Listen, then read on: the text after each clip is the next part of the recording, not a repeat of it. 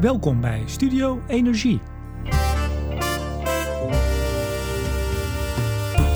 Zelden stond kernenergie in ons land in zo'n korte tijd zo in de belangstelling als afgelopen week. De VVD pleitte voor nieuwe kerncentrales in Nederland om de klimaatdoelen te halen. Voor- en tegenstanders vlogen elkaar daarop als vanouds in de haren. Opvallend stil was de sector zelf. Tot nu. Mijn gast is voorzitter van Nucleair Nederland, directeur van Urenco en was de baas van kerncentrale Borselen. Is kernenergie niet gewoon één groot achterhoede gevecht? Ik vraag het aan Ad Louter. En ook deze uitzending wordt weer mede mogelijk gemaakt door energieleverancier De Nutsgroep, Team Energie van Bloemadvocaten en Notarissen en netbeheerder Stedin. Meneer Louter, hartelijk welkom. Goedemorgen. Dat was met Weet je wel. Arjan Lubach, uh, die zette de bal voor. Klaas Dijkhoff kopte hem in. Kranten, radio, tv. Uh, ineens was kernenergie weer overal. Ook u ziet graag meer nieuwe kerncentrales in Nederland komen. Wat hebt u voor week gehad? Ik heb het allemaal met uh, belangstelling gevolgd en heb zelf ook wat interviews gegeven. ik denk dat het goed is dat kernenergie nu toch weer gewoon op de agenda lijkt te staan. Lijkt te staan? Ja. Nou ja, we zouden graag, en dat hebben we ook aangeboden, een keer naar de klimaattafel elektriciteit gaan om toe te lichten wat de positie van kernenergie kan zijn. U was niet welkom, hè? U bent niet welkom. Nou, zover wil ik niet gaan. Maar uh, het is een feit dat we niet aan tafel zitten uh, bij het klimaatdebat uh, tot nu toe. Het is een beetje gek, hè, eigenlijk? Ik vind dat wel vreemd, ja. Ik denk dat gegeven alle, alle publicaties die er zijn... Ik, ik, noem het IPCC-rapport, ik noem rapporten van het Internationaal Energieagentschap... rapporten van de OECD...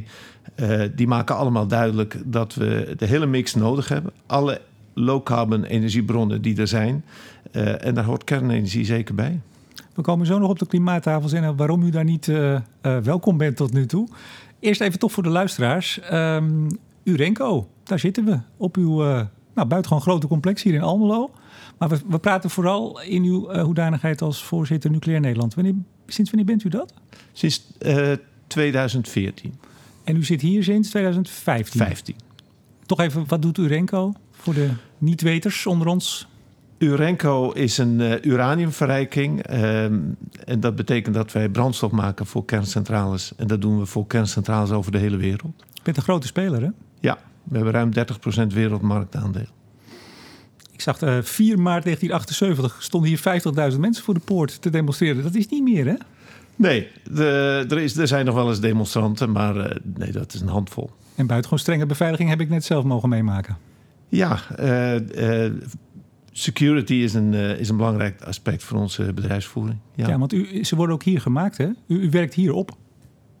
Ja, dit is een, uh, dit is een fabriek waar uh, uraniumverrijking ja, nee, bedoel, het is niet een kantoorgebouwtje uh, in de Oh, op zo'n manier, ja. ja, ja. Okay. Dat gebeurt hier, ja. Ingenieur, even het cv langslopen is toch altijd wel, wel handig. 2012 was u directeur, werd u directeur van EPZ, de, de kerncentrale Borselen. U was toen ook directeur van Delta, of bij Delta. Ja. Was het altijd uw droom, zou ik bijna zeggen, om in de nucleaire sector te werken? Of bent u daar toevallig ingerold? Um, mijn droom was en is energie. Ik heb uh, in Delft gestudeerd, zoals u zegt. En dat was grootschalige energievoorziening. En ook uh, apparatenbouw voor procesindustrie. Dus ik heb in mijn carrière met vrijwel alle, alle vormen van energieopwekking te maken gehad. Um, en in de periode in Zeeland vanaf 2008 uh, daadwerkelijk, ja, ik geloof kerncentrale, kolencentrale, biomassa, windparken, zonneparken, getijdencentrales. Alles. Gascentrales ook. Ja. U bedoelt, u hebt aan alles gewerkt of we hebben alles nodig? nee, ik heb aan alles gewerkt. Dat wilde ik uh, vertellen, ja. 2016 als hoogste man van Urenco, hier in Nederland althans. Hè? Want Urenco is een Nederlands, Duits, Brits consortium. Het is een bedrijf gevestigd in Londen, ja, het is een Brits bedrijf. Uh, maar de aandeelhouders zijn de Nederlandse staat, uh, Verenigd Koninkrijk en Duitsland. Ja, nou, u bent dus de baas van Urenco Nederland. En in 2016 hebt u nog een pleidooi gehouden voor een nieuwe kerncentrale. Ja, is correct. Te, te bouwen. Ja. Jij moest er even bedenken, of niet? Nou, ik dacht, u zijn in 2016 uh, hier aan het roer gekomen. Nee, dat nee, was nee, 2015. Toen hebt u... Ja. Um, U hebt zelf ook eh, persoonlijk geprobeerd als uh, baas van EPZ en toen nog bij Delta om een tweede kerncentrale van de grond te krijgen ja. uh, in Nederland. Eerst even, waarom hebben we nieuwe kerncentrales nodig? Um, omdat wij fossiele brandstoffen moeten uitfaseren en dat is een urgent probleem. Um, en zoals ik net al zei, daar hebben we echt alle low-carbon energiebronnen bij nodig. Alleen zon en wind uh, is niet voldoende. Cornelis Blok, TU Delft, maar er zijn nog een aantal mensen afgelopen week die zeiden: ja, dat is helemaal niet nodig. We hebben genoeg andere bronnen. Ja, er zijn heel veel opinies. Hè. Waar, ik, waar ik vooral graag naar verwijs uh, zijn de grote uh, instituten. Zoals bijvoorbeeld, uh, ik noemde net IEA met zijn 2 graden Celsius scenario. En daarin zie je dat al die bronnen heel veel en heel snel moeten groeien. en daarin zie je ook dat kernenergie van een aandeel van nu 12% naar 25% zal groeien. Dat, dat is op een wereldschaal. Ja, ik, ik, zag, ik heb hem ook even gelezen nog gisteravond. Uh, ze zeggen wel dat kernenergie wereldwijd zal gaan groeien, maar lang niet genoeg voor dat scenario. Hè? Het, zal zelfs, het aandeel zal zelfs teruglopen naar 10%. Nou ja, dat denk ik niet. Uh, er zijn nou, de IEA wel, maar goed. Nee, er zijn nu zo'n uh, 50 nieuwe reactoren in aanbouw, waarvan overigens een heleboel in, in Azië, met name in China. Um, ja, dat gaat toch vrij snel. Ja.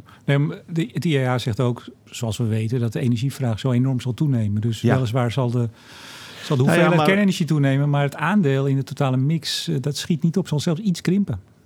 Het grote punt is natuurlijk dat je in onze ontwikkelde economieën zie je een elektrificatie uh, plaatsvinden. Dat zie je ook in Nederland tijdens het klimaatdebat uh, aan de orde. Hè? Uh, gebouwde omgeving van het aardgas af, onze huizen. En daarvoor komen warmtepompen in de plaats. En die gaan elektriciteit gebruiken. transport, fossiele brandstoffen uitfaseren. Daarvoor komt elektrisch vervoer. Industrie wordt ook gevraagd of daar de hoogtemperatuurwarmte via elektriciteit. Dus er gaat een enorm uh, groei komen in, in, in vraag naar elektrisch vermogen. Ja. Ik las nog een krantenartikel uit, moet even goed kijken, 2010. U ging toen met, uh, er stond een kloeke koffer en een zak bolussen. Dat zijn gebakjes volgens mij. Uh, ging u op pad om eigenlijk in huiskamerbijeenkomsten in Zeeland... Ja. ja. ik zou bijna zeggen de geesten rijp te maken voor een nieuwe kerncentrale. Hoe ging dat? Nou, letterlijk zoals daar beschreven stond. We hadden een, nee, dat snap ik, maar, maar ging het goed? Ja, Um, sowieso uh, heb ik altijd gemerkt dat hoe dichter je bij een, uh, een, nucleaire installatie komt, hoe dichter je ook bij het borstelen bij de kerncentrale komt, hoe meer uh, mensen voorstander zijn. Omdat ze er misschien werken of niet? Ze hebben er ongetwijfeld ook een, een, een binding mee. het plaatsje borstelen ligt minder dan een kilometer van de kerncentrale. En uit enquêtes kwam stevast naar voren dat 75% van de mensen voorstander is. Maar mensen hebben wel vraag. Ook in Zeeland. Um, en door te proberen dat, dat echt kleinschalig te doen, daar tijd voor te nemen, uh, kun je heel veel van die vragen adresseren. Die gesprekken gingen goed, zegt u. U bent toen vast ook met uw gebakjes onder arm naar Den Haag geweest. Hoe ging het daar? Nou, Zeeuwse bolussen zijn, ja, dat is een echt Zeeuwse, Zeeuwse lekkernij, maar het zijn geen gebakjes. Uh, Lekker ik, ik, heb ze niet meegenomen naar Den Haag, nee. Maar Den Haag hadden we uh, ook veel gesprekken, met name rond wet en regelgeving. Welke kaders gelden er voor een nieuwe uh, kerncentraal? Dus ja, die gesprekken hebben we allemaal gevoerd. Dat was in de tijd 2009, 2010. Maar was men enthousiast toen? Ja, daar was absoluut draagvlak voor. Uiteindelijk hebben we zelf met onze toenmalige partner EDF uh, besloten om het niet door te zetten, omdat je toen zag, dat is ergens in 2008 ingezet, dat er een overcapaciteit ontstond op de markt, dat uh, prijzen voor uh, stroom heel snel daalden. Um, en dat er eigenlijk op dat moment geen goede business case was voor een kerncentraal, maar die was er niet voor geen, eigenlijk voor geen enkele centraal. Nee, want ik had natuurlijk keurig op mijn lijstje staan, waarom is hij er niet gekomen? Maar ja. u zegt het al, eigenlijk vrij simpel, geen business case. Hij kwam in een periode waarin er bijvoorbeeld ook besloten werd eh, drie nieuwe kolencentrales te bouwen in Nederland en zes nieuwe eh, gascentrales te bouwen in Nederland. Maar tegelijkertijd werd er ook in Duitsland veel geïnvesteerd. Um, en ja, er ontstond in heel Europa een, een overcapaciteit. Maar zei u dan niet in Den Haag, maar jongens, daar komt allemaal nog CO2 bij vrij bij uh, dat kolen en bij dat gas? Uiteraard hebben we dat ook toen gezegd. U moet kernenergie doen. Uiteraard hebben we dat toen ook gezegd, ja. Wat zeiden ze toen? Um, daar was men wel ontvankelijk voor, maar uiteindelijk werd er niet een beleid ontwikkeld. Um, ik heb daar ook wel eens gezegd dat als je ziet in landen waar kerncentrales staan, dat dat altijd onderdeel is van nationaal energiebeleid. Een land kiest ervoor. Ehm, en dat was toen in Nederland niet het uh, geval. Nou, we hebben nu de grootste partij afgelopen week. Ja. De fractievoorzitter Tweede Kamer, meneer Dijkhoff. Die zegt, we moeten dat doen. Zelfs meer, geloof ik, dan één. In ja, Nederland. Ik heb het hem ook horen zeggen, ja. ja. Uh, is er dan een belletje geweest? Uh, hoi Ad, hoi hier met Klaas. Nee, zo werkt dat niet.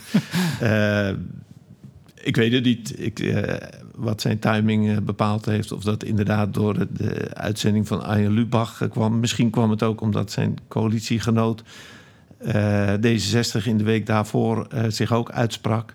Um, Beetje profileren. Ja, dat Hoe serieus neemt u het? Oh, maar zeer serieus. Als, als VVD dat zegt, de grootste partij van Nederland.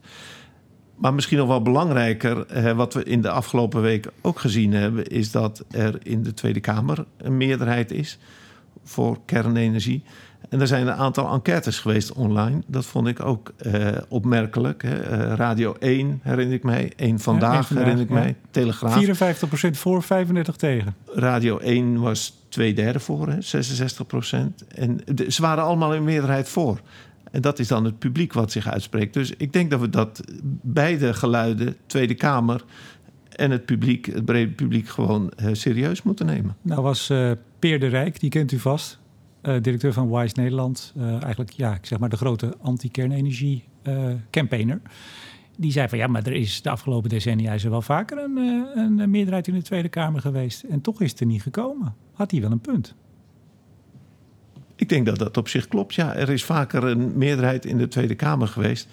En sinds 1973 uh, hebben we geen nieuwe kerncentrales gebouwd in toen, toen u met de, dus tot zover heeft hij gelijk. Toen u met de Zeeuwse lekkernij rondging, toen schreven CDA en VVD uh, in 2010 in hun uh, regeerakkoord met de PVV-gedoogconstructie eigenlijk dat mocht er ooit CCS plaatsvinden, dan zou er eerst een nieuwe kerncentrale moeten komen. Ik denk dat als u dat vergelijk maakt, uh, ik denk dat uh, kernenergie een betere oplossing is dan CCS. Ik, ik, bedoel even om aan te geven dat er dus toen ook veel liefde bij CDA en VVD was voor ja, kernenergie. Althans, ja, dat absoluut. leek het. Ja. Ja, en ik kom nog een citaat van Peer tegen, vond ik wel een aardige. Die, die zei uh, eerder in een stuk, een opiniestuk... kernenergie heeft zich in 60 jaar niet kunnen bewijzen. Wat vindt u daarvan? Volslagen onzin. Waarom is Kernenergie is de meest betrouwbare elektriciteitsopwekking die we kennen. Hè, met een uh, beschikbaarheid wereldwijd, en dat wordt keurig bijgehouden, van meer dan 85 procent. Zet dat af tegen wind op zee 35 procent. Nee, wind, 50 al, we gaan al naar een capaciteitsfactor 50. Op land 25 procent ja. en zon 15 procent. Ik denk dat uh, Peer de Rijk bedoelt, maar nu moet ik even voor hem praten, dat de grote doorbraak, de grote groei die natuurlijk jaren 60 wel voorspeld werd, hè, dat we eigenlijk allemaal aan de nucleaire energie gingen. Um, een van de ideeën om ons gas zo snel mogelijk op te stoken en te verkopen was: er komt kernenergie aan. In die zin heeft hij natuurlijk wel gelijk. Die echte grote doorbraak, en zeker in Nederland, is er nooit gekomen. Nou, in Nederland zijn uh, een aantal keren plannen geweest voor de tweede kerncentraal. We hebben net de periode 2009-2010 besproken. In 1986 is er ook zo'n moment geweest dat plannen voor een tweede kerncentrale klaar lagen.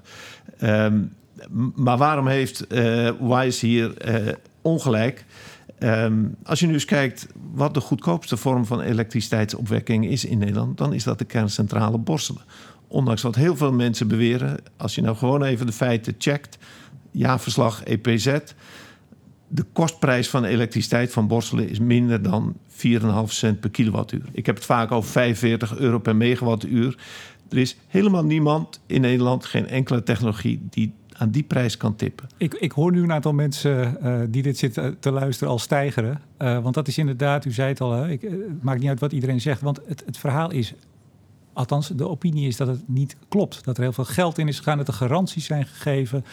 Dat er miljoenen in moeten straks ook om hem te demonteren ja, of hè, om, ja. om hem op te ruimen. Hoe komt dat? U zegt dat is niet waar. Althans, dat hoor ik in u. Ik denk dat, ik denk dat er veel uh, mensen niet goed geïnformeerd zijn. Ik bedoel, dit zijn gewoon verifieerbare feiten. Je kunt het, uh, het jaarverslag van EPZ checken. en bovendien, die prijs is een inclusief prijs. Hè. Dat, daar zit inclusief uh, uh, kosten van decommissioning van de kerncentrale in, ontmanteling. En inclusief het, het, de opslag tijdelijk en definitief van het afval van EPZ bij Covra. Maar, maar is er niet... Dat is, zit er allemaal in. Ja, maar u, u kent alle details en die gaat u ons hopelijk ja. nu vertellen. Er is toch een soort garantie op een gegeven moment afgesproken. Een garantieprijs. Ik bedoel, de kerncentrale kan misschien wel lekker draaien... maar er zijn toch de, de aandeelhouders hebben er toch garanties voor moeten afgeven? Dat is correct en dat is ook maar goed. Uh, er was laatst een, uh, een Kamerdelegatie uh, bij EPZ op bezoek. Ik denk een week of drie, vier geleden. En toen is dit verhaal ook aan ze verteld. Toen heeft de directeur van EPZ, mijn opvolger Carlo Wolters... heeft ook laten zien dat, behouden ze een paar dipjes... de, de, de kerncentrale van Borstel in de afgelopen drie jaar... steeds onder de marktprijs, een kostprijs onder de marktprijs gehad heeft. Ja, maar dat zijn gewoon de feiten. Ja, maar niemand legt er geld op toe. Er zijn geen aandeelhouders, uh, de staat, die ergens uh, uh, iets moet doen zo, om te zorgen dat dit zo marcheert bij EPZ. Niemand, ja, niemand zit in het verlies. Niemand. Nou ja, er gaan vaak van die verhalen dat de aandeelhouders Delta en RWE miljoenen op toeleggen. Maar verifieer nou eens gewoon de feiten. Dat is niet zo, zegt u. Zo is het. Nou, op naar de volgende dan, hè? De volgende kerncentrale bouwen. Want het is, uh, het is heel goedkoop. Uh, het, kan prima uit. Dan komen we even terug op het punt. Uh, u zei het net al. Een land moet ervoor kiezen. En Nederland kiest er tot nu toe niet voor. Nee, maar de, de, de, de mogelijkheid van kernenergie in onze energiemix is toch nog toe ook niet serieus overwogen. Ik denk dat je nu in het klimaatdebat wat we hebben, met de urgente doelen die we hebben, en de grote uitdagingen die erbij horen, dat we nucleair ook aan de, in het klimaatdebat mee moeten nemen. Als een hele serieuze optie naast zon en wind. Want dat mag ik in dit programma vast wel even zeggen. Ik ben absoluut voorstander van zon en wind. Maar die twee kunnen het niet alleen. En eh, als je dan kijkt welke oplossingen er nu uh, aan die tafels bedacht worden voor de nadelen van zon en wind, dan zeg ik ja, zo gaan we er dus niet komen. Daarmee wordt het veel duurder. Ehm, niet betrouwbaar. Ehm, en we hebben nog steeds, uh, waarschijnlijk blijven we te lang afhankelijk nog van uh, fossiel. Ik vind, ik kan het hier uh, in dit, in dit gesprek niet laten zien, maar ehm, Duitsland wordt vaak als voorbeeld genomen. Duitsland heeft een vermogen opgesteld in zon en wind, wat groot genoeg is om de hele Duitse elektriciteitsvraag te voorzien. Toch gebeurt dat maar betrekkelijk weinig dagen per jaar. En als je dan ziet hoe Duitsland zijn stroom opwekt, is 70% komt gewoon uit fossiel. Voornamelijk steenkool, bruinkool. Uh, mijn favoriete app heet uh, electricitymap.org. Dan kun je elk moment van de dag kun je zien hoe alle landen in Europa hun stroom opwekken. En dan zie je dat Duitsland een uitstoot heeft van gemiddeld 400 uh, gram CO2-equivalent per kilowattuur. Dat is dus niet goed. Uh, dus waar de Duitsers sinds die energiewende al meer dan 300 miljard geïnvesteerd hebben. en nu aan subsidies per jaar meer dan 24 miljard kwijt zijn. Wat ze bereikt hebben is alleen maar kernenergie uitfaseren en daarvoor uh, zonne en wind in de plaats. Maar het aandeel fossiel is nog even groot. Dat betekent dat ze ook helemaal geen voortgang gemaakt hebben in het terugdringen van CO2-emissies. Dan denk ik dat u liever naar Groot-Brittannië kijkt. Ik kijk graag naar Frankrijk, Finland, Zweden en Noorwegen. Nogmaals, electricitymap.org. Nou, laat me even het punt maken. Die vier landen die ik noem, Frankrijk, Finland, Zweden. Laat me raden, die zitten heel laag in hun uitstoot. Die zitten heel laag in hun uitstoot. En hoe doen ze dat? Want dat is interessant. Nou. En dan, zien, dan zie je dat, dat je uh, in Frankrijk een uh, groot aandeel kernenergie hebt. Finland, Zweden ook. Noorwegen overigens niet. Hè? Die heeft geen kernenergie, maar die, die doet het met waterkracht. waterkracht. Ja. Maar laten we daar nou eens naar kijken en laten we daar nou eens wat van leren. Het is de combinatie van die bronnen uh, die zij toepassen. Nou, in Nederland kunnen wij niet goed met waterkracht uit de voeten, want we hebben een vlak land. We hebben geen snelstromende rivieren, we hebben geen hoge bergen. Dus die optie valt voor ons af. Laten we dan die andere opties gebruiken. Ja, nou is kernenergie overigens volgens de EU uh, niet hernieuwbaar. Het zou niet meetellen voor onze hernieuwbare energiedoelen. Ja, daar kun je een hele boom over opzetten. Nee, officieel is het gewoon niet hernieuwbaar. Ja, het gaat erom dat we de CO2-uitstoot uh, terugdringen. Toch dat is het belangrijk. Toch even, ik probeer de Groot-Brittannië erin te, te ja. fietsen, zoals u misschien hoorde. Uh, want die hebben wel besloten om een, een nieuwe ja. kerncentrale te bouwen. Ja. Meer dan één, hè? Hinkley Point, Ja, Hinkley Point C. Maar ik geloof dat die tweede nu, hoorde ik van de week, dat dat toch lijkt niet door te gaan. Maar daar weet u vast meer van. Nou, dat heb ik niet gehoord. Hmm. Um, ik wou ook zeggen, Hinkley Point C moet wel een centje bij. En dan zeg ja. ik het netjes. Dat is het grote ja. uh, bezwaar van tegenstanders. Er gaan daar, ik geloof 30 miljard, wat is het?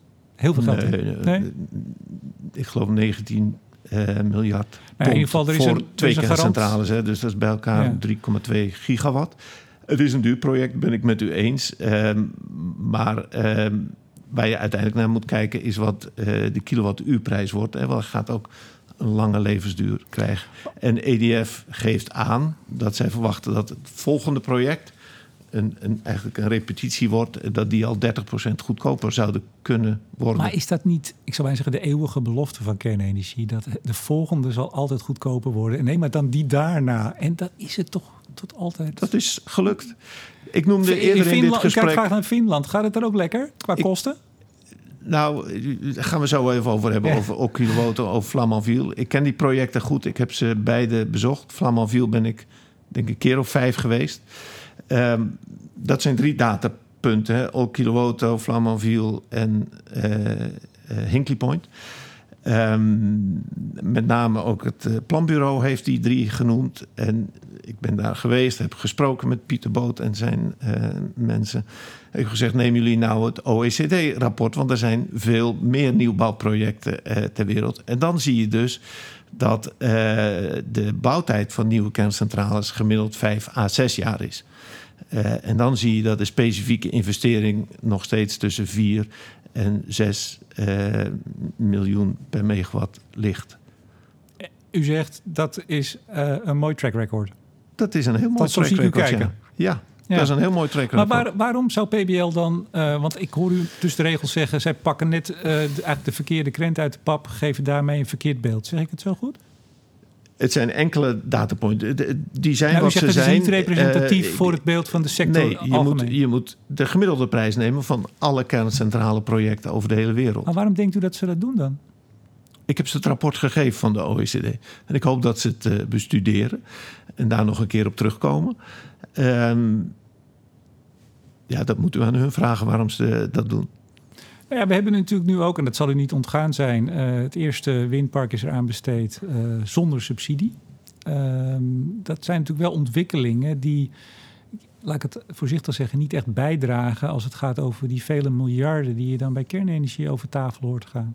Ik zag pas een heel mooi staartje over uh, Borselen.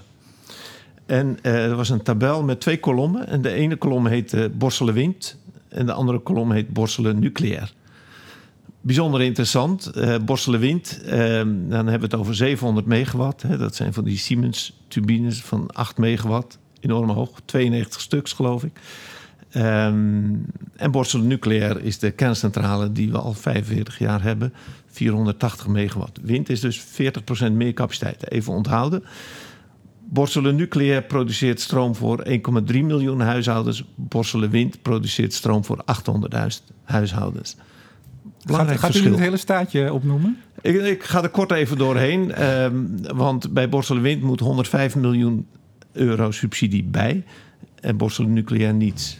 Borselen Nucleair levert 500 banen op. Borselen Wind 10. Maar, ne maar, neemt u niet ook nu één datapunt? Want nogmaals, Hollandse kust, wat nu zonder nou subsidie... Ja, u begon over dat datapunt ja, ja. van uh, nee, maar, het, het, het, het, heeft geen subsidie. Nee, Hollandse kust is nu, dat is het park daarna, hè, na de Borselenparken. Dat is nu zonder subsidie. Ik stel u alleen de vraag...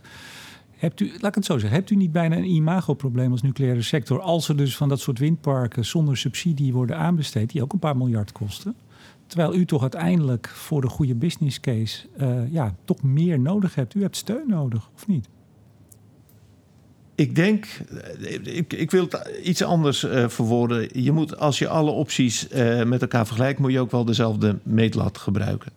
Um, dat is belangrijk. Uh, dat betekent dat je bij wind ook mee moet nemen de backup power die je nodig hebt voor als het niet waait. U zegt op zee waait het 50% van de tijd. Ik heb cijfers die zeggen 35% van de tijd. Dat maakt niet uit. Ook bij 50% van de tijd is er nog steeds 50% ja, de, van de, de tijd. De capaciteitsfactor van die ja. nieuwe grote windparken ja. ligt zo tegen de 50% aan. Ja, nou, ehm, je moet kijken welke kosten gaan er in, in systeemkosten. Hè. Laat maar zeggen, het stopcontact op zee. Ja. wat nu door de Nederlandse overheid betaald wordt. Wat Zeker. waarschijnlijk ook nog wel zo'n 15 euro per megawattuur kost. Klopt. Prima. Het gaat erom dat de overheid nu uh, zijn rol moet nemen als regisseur in dit proces. Het is een groot transitieproces. Ik geloof dat het uh, uh, Rutte was die zei: dit is vergelijkbaar met de wederopbouw van het naoorlogse Nederland. de overheid moet hier nadrukkelijk de regie nemen. En dat betekent alle opties op een rij zetten en op dezelfde manier met elkaar vergelijken. Een windpark op zee gaat denk ik 15 jaar mee, 20 jaar. Een kerncentrale tegenwoordig wordt ontworpen voor 80 jaar. Ja, ik, ik begrijp. Ja, het, is, het lijkt nu net of ik voor de windsector uh, zit uh, te adverteren. Maar ik begrijp dat ze al zo 25 jaar halen en ze gaan naar de 30. Maar inderdaad, kerncentrales 60, 80 jaar. Als ja. je hem een beetje lekker ja. onderhoudt. Ja. ja. Maar dan toch even naar het punt. En dan gaan we het ook over die klimaatdoelstellingen en het akkoord hebben. Waar we eigenlijk uh, al over begonnen. Waar u niet bij mag zitten tot nu toe. Um, u zegt uh, de overheid moet al die opties eigenlijk een beetje koel cool en rustig feitelijk met dezelfde maatlat op een rij zetten. U knikt ja, maar dat doen ze dan dus niet. Dat is jammer. Dat is een gemiste kans. Waarom, we gaan nu. Ik vroeg, het net, nu, ik vroeg het net toch even. Ik vroeg het net ja. bij PBL. U zei vraag het PBL, dat zal ik doen. Ja. Maar toch even, u, u, zit al heel lang in deze business. Waarom denkt u dat dat niet gebeurt? Dat naast elkaar goed, eerlijk, althans dat zegt u, vergelijken? Ja, het antwoord daarop heb ik niet. Uh, want ik, heb, ik ben niet degene die de klimaattafels uh, samengesteld heeft. Um, ik denk dat het van moed zou getuigen om wel alle opties op een rij te zetten. En, en op een goede manier met elkaar te vergelijken. En niet alleen maar uh, soundbites de ether in te slingeren. Hebben we het nu over meneer Dijk of hebben we het over andere mensen? Die... Ik heb het over niemand in het bijzonder. Maar het, het, het gaat erom dat we met elkaar dat gesprek aangaan. Dat we feitelijke informatie op tafel brengen. En dat we de bronnen gebruiken. Er zijn zoveel serieuze studies gedaan door, door intergouvernementele organisaties die we speciaal voor dat doel opgericht hebben. Uh, en die feitelijke informatie is er, maar die wordt vaak genegeerd. Ja, en dat is dan toch gek. Jammer. Jammer. Ja. Maar als u, u hebt vast ook wel gekeken wie er van die meer dan 100 organisaties die aan tafel zitten, van ik geloof de Fietsersbond tot, nou van al, ja, u lacht al. Dan is het toch wel in uw geval, u zit hier als voorzitter van Nucleair Nederland, dat uw hele sector, uh, die door de inter, internationale organisatie wordt genoemd, toch als, nou ja, in ieder geval een van de interessante uh, opties. En misschien in sommige rapporten wel een noodzakelijke, dat u niet eens aan tafel mag zitten, terwijl iedereen daar zit. Ja, Nucleair Nederland, maar bijvoorbeeld ook een, een maatschappelijke organisatie als Ecomodernisten. Uh, bijvoorbeeld ook de Technische Universiteit Delft, die veel onderzoek doet naar uh, toepassingen van nucleaire technologie. Niet alleen voor elektriciteitsopwekking overigens. Dat is nog een apart interessant, kunnen we straks misschien nog opkomen. er zijn er meer. Maar is het dan misschien toch, ik probeer maar toch te kijken of we samen eruit kunnen komen waarom dit zo gaat. Dat Nederland, uh, dat hier heel sterk het beeld toch leeft. Nou, zon en wind, dat is mooi, dat is fijn. Dat heeft een soort hoge aaibaarheid. Um, we zijn ook relatief klein. We hebben veel Noordzee. Hè. Daar, kunnen we echt, daar gaan we ook grote parken bouwen. Zijn we mee bezig. Komen we ver mee. Als we te veel hebben, maken we er waterstof van. En dat kunnen we dan in de winter, als het uh, de donkerflauwte nou, Nu wordt het al iets ingewikkelder. Hè? Die Noordzee is groot, daar kunnen we best veel turbines bouwen. Okay, maar... Nee, maar, maar, maar, toch even. Ja. Is dat dan misschien wat hierachter zit? Dat, dat het beeld van zon en wind, uh, ook in de huidige politieke... of misschien wel de afgelopen jaren de politieke constellatie... dat dat gewoon het leidmotief is. Zon en wind, dat is het. Punt. Zou kunnen. Ik, ik ben een nuchter mens. Ik vertelde u in de inleiding toen we het over mijn cv hadden... dat ik ook windparken gebouwd, ontwikkeld en gebouwd en geopereerd heb. En ook zonneparken. Um, ik denk dat je van alle um, energieopwekkingsmogelijkheden echt de voor- en de nadelen op een rij moet zetten. En dan kom je uiteindelijk tot de conclusie dat je alle bronnen nodig hebt. Nee, maar dat punt hebben we gehad. Dat is, dat, dat, ik denk ja, dat, dat ik, heel ik veel wil het... daar toch nog iets meer over zeggen. Uh, zon bijvoorbeeld, hè, want u heeft het over aaibaar. We moeten het met elkaar ook hebben wat, over wat we doen met die panelen na de technische levensduur. Op dit moment hebben we geen methode om, om zonnepanelen te recyclen. In zonnepanelen gebruiken we zeldzame aardmetalen. die zijn schaars op aarde. Als we in dit tempo doorbouwen, dan hebben we er niet genoeg van. Maar u bent ingenieur uit Delft. Ik heb daar zelf ook mogen, mogen studeren. Wij weten toch, zeg ik dan maar even, dat daar wel een oplossing voor komt. Recyclen van, nee, maar recyclen van zonnepanelen, dat zal niet de wereld zijn. Dat is niet het alleringewikkeldste. Ja, maar nou, ik, ik ben ook een optimistisch mens. Dat, eh, dat hebben we dan gemeen. En dan geloven we dat uh, technische uitdagingen opgelost kunnen worden. Maar dat geldt ook voor al die technologieën. Hè? Waarom lopen we dan zo te somberen over vraagstukken van uh, kernenergie? En waarom zijn we heel optimistisch over. Omdat we bang zijn voor ongeluk en voor straling. Ja. Dat is het. Denk en moeten we daar echt bang voor zijn? Of, of heeft de historie ons nou geleerd dat we in 60 jaar uh, kernenergie eigenlijk maar heel relatief gezien, hè, uh, echt heel weinig uh, dodelijke slachtoffers gezien? Ik ga even terug naar meneer Dijkhoff. Die zegt: We hebben dit eigenlijk gewoon nodig voor, om onze doelen te halen. De klimaatdoelen halen wij niet zonder nieuwe kerncentrales in Nederland. Heeft hij gelijk? Ja, dat denk ik. Dus uh, de experts die zich ook afgelopen week roerden, die zeiden: Nou ja, het, het, is niet makkelijk zonder, maar het kan wel. Die hebben geen gelijk. Ik denk dat er dan een heel hoge prijs voor betaald moet worden. En dan nog is de vraag of het technisch ook allemaal uitvoerbaar is. Daar moeten we nog heel veel technologieën voor ontwikkelen. Maar we hebben best veel uh, gascentrales staan hè, die uh, voor het regelbaar vermogen zijn. Dus we krijgen straks heel veel zon en wind, heel veel fluctuerend aanbod. Uh, we kunnen ook in de vraagsturing nog heel veel doen. Daar gebeurt ook veel. Gascentrales kunnen we gebruiken om snel uh, wat harder en wat, wat zachter te draaien. Met kernenergie is dat toch wel wat lastiger. Daar heb je toch liever gewoon die bezat. U schudt nee. U... Het, u zegt twee dingen tegelijk. kerncentrales zijn heel goed regelbaar en heel snel regelbaar. Net zo en... goed als gascentrales? Absoluut. Ehm, het beste voorbeeld is Frankrijk. Het doet het al decennia lang. dus ze zijn heel goed regelbaar je moet ze wel op temperatuur houden. Dat is een, dat is een ander punt. Uh, maar als je ze netjes op temperatuur houdt, kun je ze heel goed regelen. Waarom willen uh, operators van kerncentrales het liefst op baseload rijden? Dat is puur een economisch vraagstuk. Uh, maar dat willen operators van alle kapitaalintensieve uh, elektriciteitsopwekking. U zegt we kunnen met kerncentrales net zo makkelijk uh, regelbaar vermogen leveren, als ja, het. Heel belangrijk punt. Maar nou hebben we al een aantal van die gascentrales staan. Is het dan niet zonde om daar dan weer kerncentrales naast te gaan zetten?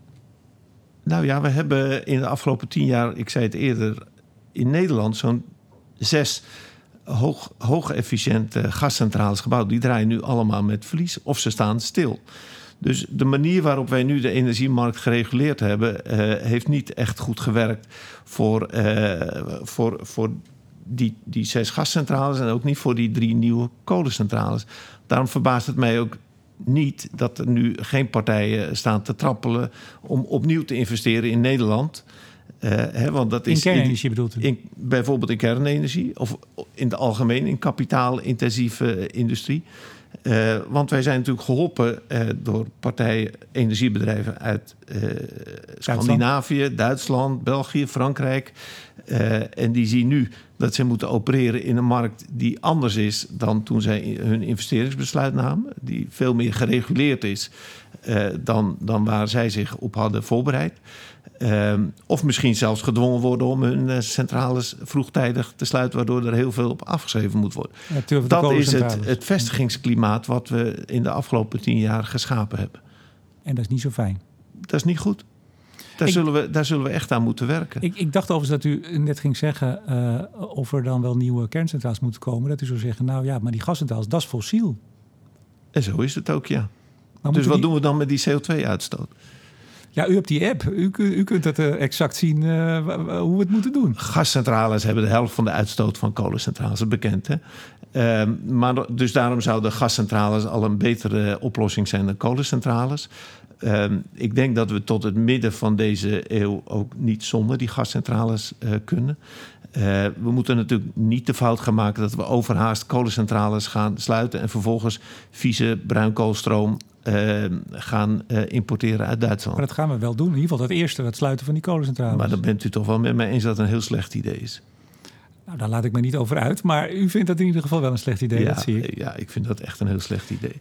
Toch, toch even, ehm, de afgelopen week gebeurde er veel. Ehm, ik, ik zei al, uh, belt Klaas dan even. Nou, dat niet. Maar zijn er wel toch even serieus contacten tussen ministeries... tussen wellicht de minister of zijn hoogambtenaren met de sector, met u wellicht? Nou, wij hebben doorlopend contact uh, met het hele maatschappelijk middenveld... en ook met, uh, met ministeries, ja. Um, en we hebben uh, opnieuw aangeboden om, om in een open debat met de klimaattafels, waarschijnlijk de klimaattafel elektriciteit, om nog eens door alle uh, voor- en nadelen en bezwaren en opportunities te gaan. U weet dat ze bijna klaar zijn, hè?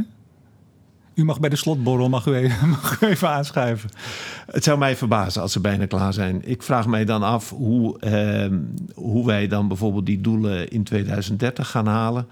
Uh, het planbureau heeft tot nog toe uh, aangegeven dat uh, de informatie die beschikbaar is gesteld alleen maar kwalitatief, maar niet kwantitatief beoordeeld kan worden. Ik denk dat er nog heel veel verder, werk, bijvoorbeeld de klimaattafelindustrie, liggen nog hele grote uitdagingen op tafel. Hoe je dat gaat doen, maar net zo goed transport en bebouwde omgeving. Nu zei minister Wiebes. Volgens mij zijn ze nog lang niet klaar. Nou, ze moeten van Ed Nijpels moeten ze klaar zijn, hè? 1 december. Hij stelt een deadline, ja. ja. We zullen het zien. Nou zei minister Wiebes uh, vorige week in een brief aan de Kamer... dat er inderdaad op dit moment geen business case is... een goede business case, een positieve voor kernenergie... maar dat die na 2030 er wel zou kunnen zijn. Ik weet niet meer zijn exacte formulering. U kent de brief vast. Hij zei iets anders volgens mij, want hij zei business case, daar ga ik niet over. Daar gaat uh, de industrie de initiatief nemen. Dat zei hij in de over. Kamer, maar hij heeft ook oh. nog een brief gestuurd. Nou goed, dat zoeken we op. Um, nu geen business case, dat zijn we eens. Op dit moment. Nee, dat zijn we. Dat, nee? nee? ik denk opnieuw in mijn pleidooi dat we alle bronnen uh, nodig zullen hebben. Uh, is mijn pleidooi ook steeds dat waar we nu een SDE regeling hebben, stimulering duurzame energie, die helemaal gericht is op uh, hernieuwbare energie en met name zon en wind. Dat als wij die doelen willen realiseren, en ze zijn urgent, heb ik ook al een paar keer gezegd, uh, dat wij die, die regeling moeten omvormen naar een, een, een regeling die stimuleert alle low-carbon opties. Eigenlijk in het verlengde van de klimaatwet die net voor de zomer aangenomen is. De klimaatwet zegt ook, deze doelstellingen zijn zo urgent, daar hebben we alle bronnen van nodig. Dus waar het aanvankelijk vooral uh, ging over hernieuwbaar, zon en wind. Uh, biomassa kun je ook nog een, bo een bomen over opzetten. Uh, is nadrukkelijk, met name door CDA VVD, gevraagd om ook CCS en kernenergie daarin mee te nemen. Dus er moet subsidie ook voor kernenergie beschikbaar komen. Dat betekent dus dat naarmate die markt nog steeds een markt is van overcapaciteit, een markt die heel volatiel is, een markt waar uh, die, die toch gewoon sterk gereguleerd is, dat je als overheid dan ook de verantwoordelijkheid moet nemen om een onrendabele topfinanciering ja, toe te passen. Subsidie. En dat heet subsidie. Ja. ja. En dan moet je precies hetzelfde doen voor alle bronnen. Je moet ze ook allemaal gelijk behandelen. Nou, nou lijkt er, uh, dat was een beetje ook vorige week de teneur, dat het taboe van kernenergie af is. Uh, waarbij, ik haal hem nogmaals aan, Peer de Rijk zegt er was nooit een taboe. Want iedereen die wilde kon er een bouwen, daar had hij natuurlijk gelijk in. Denkt u dat er uh, nog misschien wel een taboe zit op subsidie voor kernenergie? Um, weet ik niet. Zou kunnen, misschien wel, misschien niet. Maar even over die taboes. Ik vond dat Arjan Lubach dat uh, briljant, uh, briljant Dat vermoeden had ik al. Zien. Ja. Dat was natuurlijk een grote pro-kernenergie. Ja, en dan gaat u vragen, is daar een belletje geweest? Nee, is geen belletje geweest. Was niet mijn vraag, maar goed dat u het even zegt. Tot slot, we gaan afronden. Wat is er wat u betreft nu nodig? U heeft al een paar keer gezegd, hè? eh, zet de opties eh, eerlijk op een rij. Vergelijk ook eh, niet de drie datapunten, maar pak de ontwikkeling wereldwijd, SDE. Maar even concreet, die tafels zijn nu aan het afronden. Een kerncentrale, dat bouw je, u zei vier, vijf, zes jaar. Nou, dit is Nederland. Zullen we er vier bij doen? Tien jaar met alle procedures en alle ophef. U glimlacht. Ik denk dat u de... Tien jaar. Ehm, nou, tot 2030 geen business case. Dus als we na 2030 iets zouden willen, u zegt het is nodig voor de klimaatdoelen, dan moeten we nu beginnen. Met de procedure? Dat laatste ben ik met u eens. Ik hoorde laatst uh, Jan Leen Kloosterman zeggen 8880. hoogleraar in Delft, even voor de Hoogleraar in Delft, uh, autoriteit op het gebied van uh, nucleaire technologie. En daarmee bedoelde hij acht jaar van vergunningaanvraag tot realisatie. 8 miljard euro had hij het over voor een 1600 megawatt. En die kan dan 80 jaar functioneren. Als je op die simpele getallen 880 een business case maakt, dan blijkt dat het wel degelijk een hele goede optie is. Maar nu concreet, Thomas, u bent En dat zou dus voor 2030 ook kunnen. Ja, u bent voorzitter van Nucleair Nederland. Wat moet de politiek nu concreet doen? We hebben Klaas Dijkhoff gehad, die velen noemden dat een, een, een proefballon. Uh, we hebben de VVD namelijk nooit gehoord de afgelopen tijd. In die zin uh, is het woord proefballon denk ik ook wel op zijn plaats. Wat moet er nu concreet gebeuren? Nou, ik denk dat uh, de, de, discussie opnieuw geopend is. Gelukkig. Um, concreet is dat we aan de klimaattafels deze optie mee moeten nemen. En niet alleen voor zon en wind gaan en dan proberen uh, de, de, alle, alle nadelen Louter, daarvan... Met alle respect, dit, dit, proces is echt bijna klaar. Het, misschien wordt het niet 1 december, maar ja. dan wordt het eind december. Dat, dat is een gepasseerd station, daar kunt u niet meer aanschuiven. Nou ja, we zullen zien wat dan de consequenties zijn van deze keuze... en, uh, en, en hoe die door de burgers en bedrijven betaald moeten gaan worden. 2033 sluit Borselen? Ik heb daar zorgen over. 2033 slu sluit Is het dan klaar met kernenergie in Nederland? Ik hoop het niet. Ik denk dat wij uh, een, een, een, een, hele sterke reputatie hebben in, in de wereld zelfs. Uh, niet alleen Borselen, maar bijvoorbeeld ook COFRA, het onderzoek wat gedaan wordt in Delft. Uh, dan hebben we het nog niet eens gehad over de nucleaire geneeskunde, waar we echt voorop lopen in Nederland. Ik denk dat heel veel waard is om die infrastructuur in stand te houden. De ervaring die we hebben, de kennis die we hebben het innovatief vermogen dat we hebben. En voor de klimaatdoelstellingen? Denk ik dat we kernenergie absoluut mee moeten nemen als een heel belangrijk onderdeel. Ad Louter, directeur van Urenco Nederland en vooral ook voorzitter van uh, de vereniging Nucleair Nederland. Hartelijk dank voor dit gesprek. Graag gedaan. Ik bedank ook deze week energieleverancier De Nutsgroep, Team Energie van Bloemadvocaat en Notarissen en netbeheerder Stedin voor het mede mogelijk maken van deze uitzending. En uiteraard bedank ik jou, beste luisteraar, voor het luisteren. Mijn naam is Remco de Boer. Graag tot volgende week.